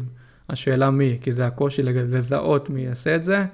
אתה כבר סימנת את דה בריינה, אז בוא נמשיך הלאה. אה, שווייץ קמרון, משחק די משעמם לשעה 12 בצהריים, המשחקים שאפשר לוותר עליהם, לא? בדרך כלל אני לא מוותר על שום משחק במונדיאל, אבל uh, בעקבות החודש שלנו שהוא לא איזה חודשי קיץ, יכול להיות שבאמת אני פשוט אשב במשרד ולא אתייחס למשחק הזה יותר מדי. אני כמוך לא רואה פה יותר מדי. סימנו, אמרנו את אמבולו, סימנו את שקירי, אבל אין לנו איזה באמת שם שאנחנו יכולים לסמוך עליו כדי לצפות במשחק הזה ב-12 בצהריים. אה, אורוגוואי דרום קוריאה, ולוורדה או לא ולוורדה? ולוורדה בכל הכוח. כן, אתה שם את ולוורדה 9 מיליון? אני חושב שגם בתשע מיליון הוא גם שווה את זה. בטח, הוא השנה, עוד פעם, עונה פנומנלית בריאל מדריד. נראה שזאת השנה שלו, ואני חושב שהוא בטח ובטח נגד דרום קוריאה שווה הרכב. וואלה, מעניין, כי אני אישית אה, די גבולי לגביו, אה, במיוחד שאחרי זה מול פורטוגל, אני לא יודע אם אני אשים שחקנים מאורוגוואי, אולי גג אחד, ואם זה, ואם זה יהיה דווקא אולי נראה לי שחקן הגנה, במיוחד אם אה, יונג מינסון לא יפתח בדרום קוריאה.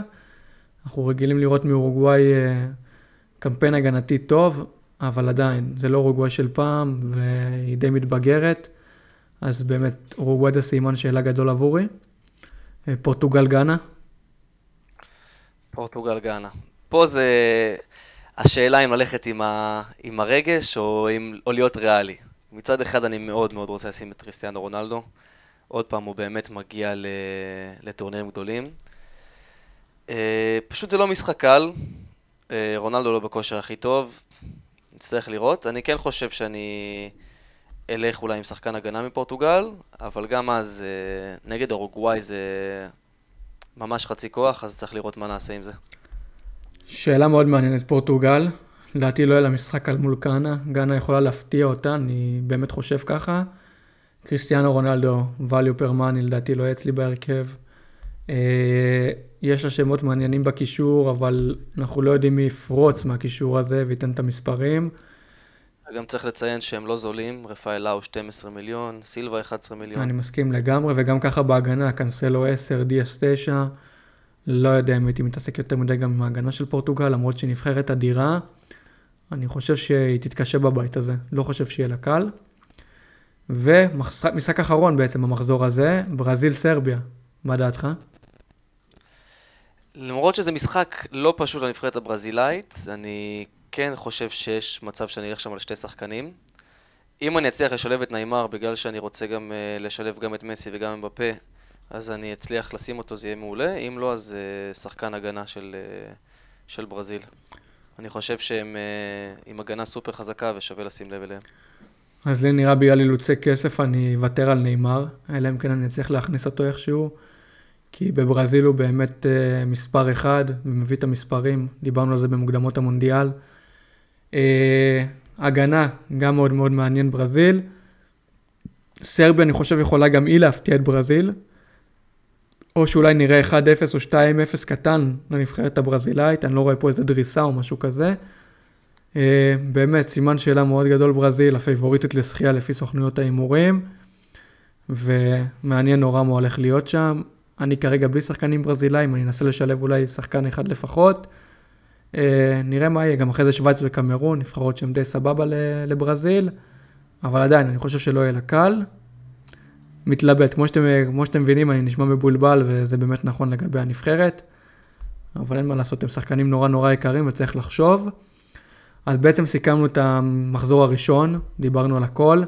אני רק רוצה להגיד שהמחזור מסתיים ב-24 לנובמבר, תשע בערב זה המשחק של ברזיל, וב-25 לנובמבר, בשעה 12 בצהריים, יהיה המשחק הראשון של המחזור השני, ווילס נגד איראן. זה אומר שבעצם חלון החילופים יהיה פתוח ל-12 שעות. אה, זה אומר שאנחנו נעשה פרק לקראת סוף המחזור הראשון, לגבי המחזור השני, אחרי שנראה כמעט את כל המשחקים וניתן את הטיפים שלנו למחזור השני. אה, צריך להיות באמת חדים, לשים לב לחלון חילופים. הוא הולך להיסגר ב-11 וחצי בבוקר ביום שבת. לא יודע אם זה ביום שבת, אצלם זה ב-25 בנובמבר. פשוט סיכמתי את זה כשבת, אבל לא נראה לי שזה שבת. אה, כן, 25 בנובמבר זה יום שישי. אז uh, באמת צריך להיות חדים ולעשות את ההרכבים כמו שצריך ואת החילופים כמו שצריך. Uh, וזהו לגבי העניין הזה. ועכשיו נעבור באמת לקינוח האמיתי. האס, פלופ והקפטן שלנו, הפינה שהמציא נדב חן, הוא גם עזר לנו בהכנה לגבי השחקנים פה, וגיל שרפי כמובן, ורון לבינסקי, שעוד יהיו איתנו. אז uh, הם באמת עזרו לנו מאחורי הקלעים, ומגיע להם את הקרדיט. אז האס שלך למחזור הקרוב, מי זה יהיה? נתחיל מהאס. Uh, כמו שאמרתי, אורוגוואי נגד דרום קוריאה, זה משחק שהם צריכים לנצח, ובעיניי בתשעה מיליון, ולוורדה שווה כל מיליון שתשים עליו. אני חושב שהוא יביא נקודות, וזה האס שלי למחזור הקרוב. לגבי האס הזה, אני חייב לציין את טל, שהוא אומר לי כל uh, מחזור בפנטזי ליגת אלופות, ולוורדה, ולוורדה, ולוורדה, זה האס ולוורדה. ואיכשהו תמיד אני, למרות שהוא אומר לי את זה מאחורי הקלעים, אני לא מזכיר את זה בפודקאסט, ואני תמיד מתעלם מוולוורדה. ואכלתי ממנו הרבה קאש. אה, בוא נגיד ככה, אני בטופ 50 ארצי בליגת אלופות, אבל אה, אני חושב שאם היה לי את ולוורדי הייתי בטופ 10, וסליחה טל שלא הקשבתי. גם, גם בליגת אלופות הוא אפילו זול יותר. אני מסכים. 6 אה, או 7 מיליון, אז ממש מחיר מדהים לשחקן כזה.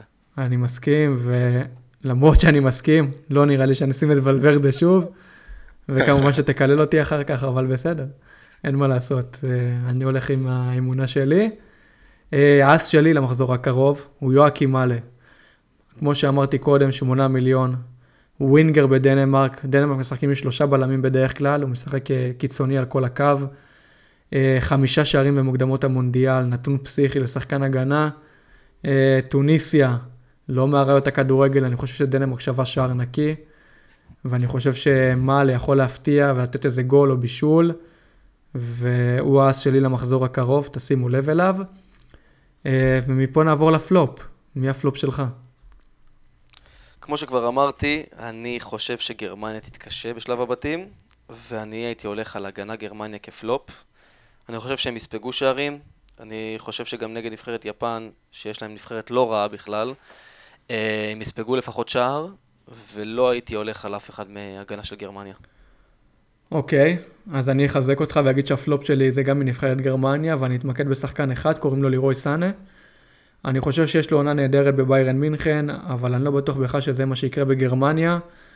אני לא יודע כל כך את המעמדות בנבחרת הגרמנית, ואני חושב שיש שם הרבה רוטציות, ומול נבחרת יפן היא נבחרת לא קלה, למרות שהגרמנים זה מכונות.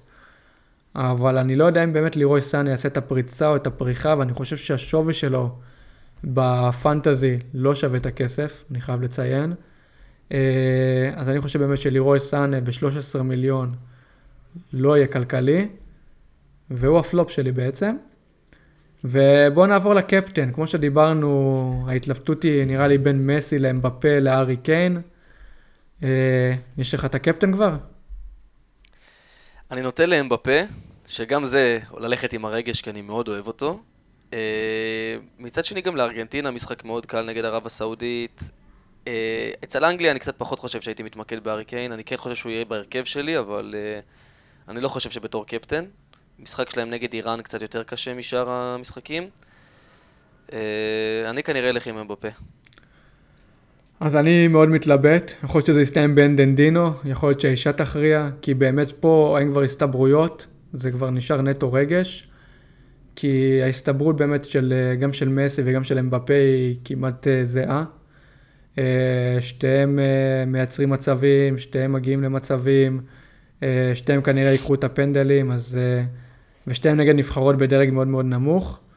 אז אני אישית טיפה יותר נוטה למסי כרגע, אבל יכול להיות שזה יסתיים באמבפה, אין לי באמת מושג.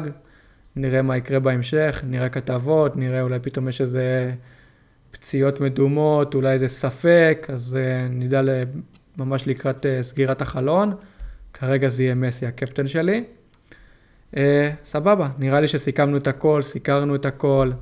אני בטוח שנקבל עוד תגובות, אתם יכולים להגיב לנו גם בטוויטר, גם בפייסבוק, uh, גם בהודעות שאתם שולחים לי. אה, גם לגיל, גם לרון, עוד יהיה חגיגה ענקית. אני חושב שהספקנו להכיר את הרבה מהנבחרות.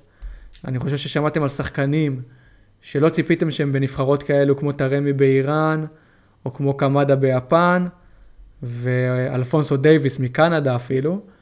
אז uh, באמת הולך להיות לנו קמפיין מונדיאל נהדר, הולך להיות לנו פנטזי נהדר. שימו לב שאתם שלמים עם ההרכב שלכם, כי אם יהיה לכם טעויות, תהיה קשה מאוד לחזור אחר כך רק שבעה סבבי חילופים, אז באמת, יהיה לנו מעניין. טל, נהניתי איתך מאוד. מקווה שתיתן תודה בראש. תודה רבה, נהניתי גם. אה, ולוורדה, לא ולוורדה, נראה בהמשך. את זה אני לוקח ממך. ויאללה, שיהיה לנו בהצלחה, ואחלה, הקלטנו את זה ביום חמישי לקראת הסופש, אז שיהיה לנו שבת שלום חברים, ובאמת, תהנו מכל רגע במונדיאל. לא לשכוח לעשות חילופים, חברים, לא לשכוח. ביי, אוהבים אתכם.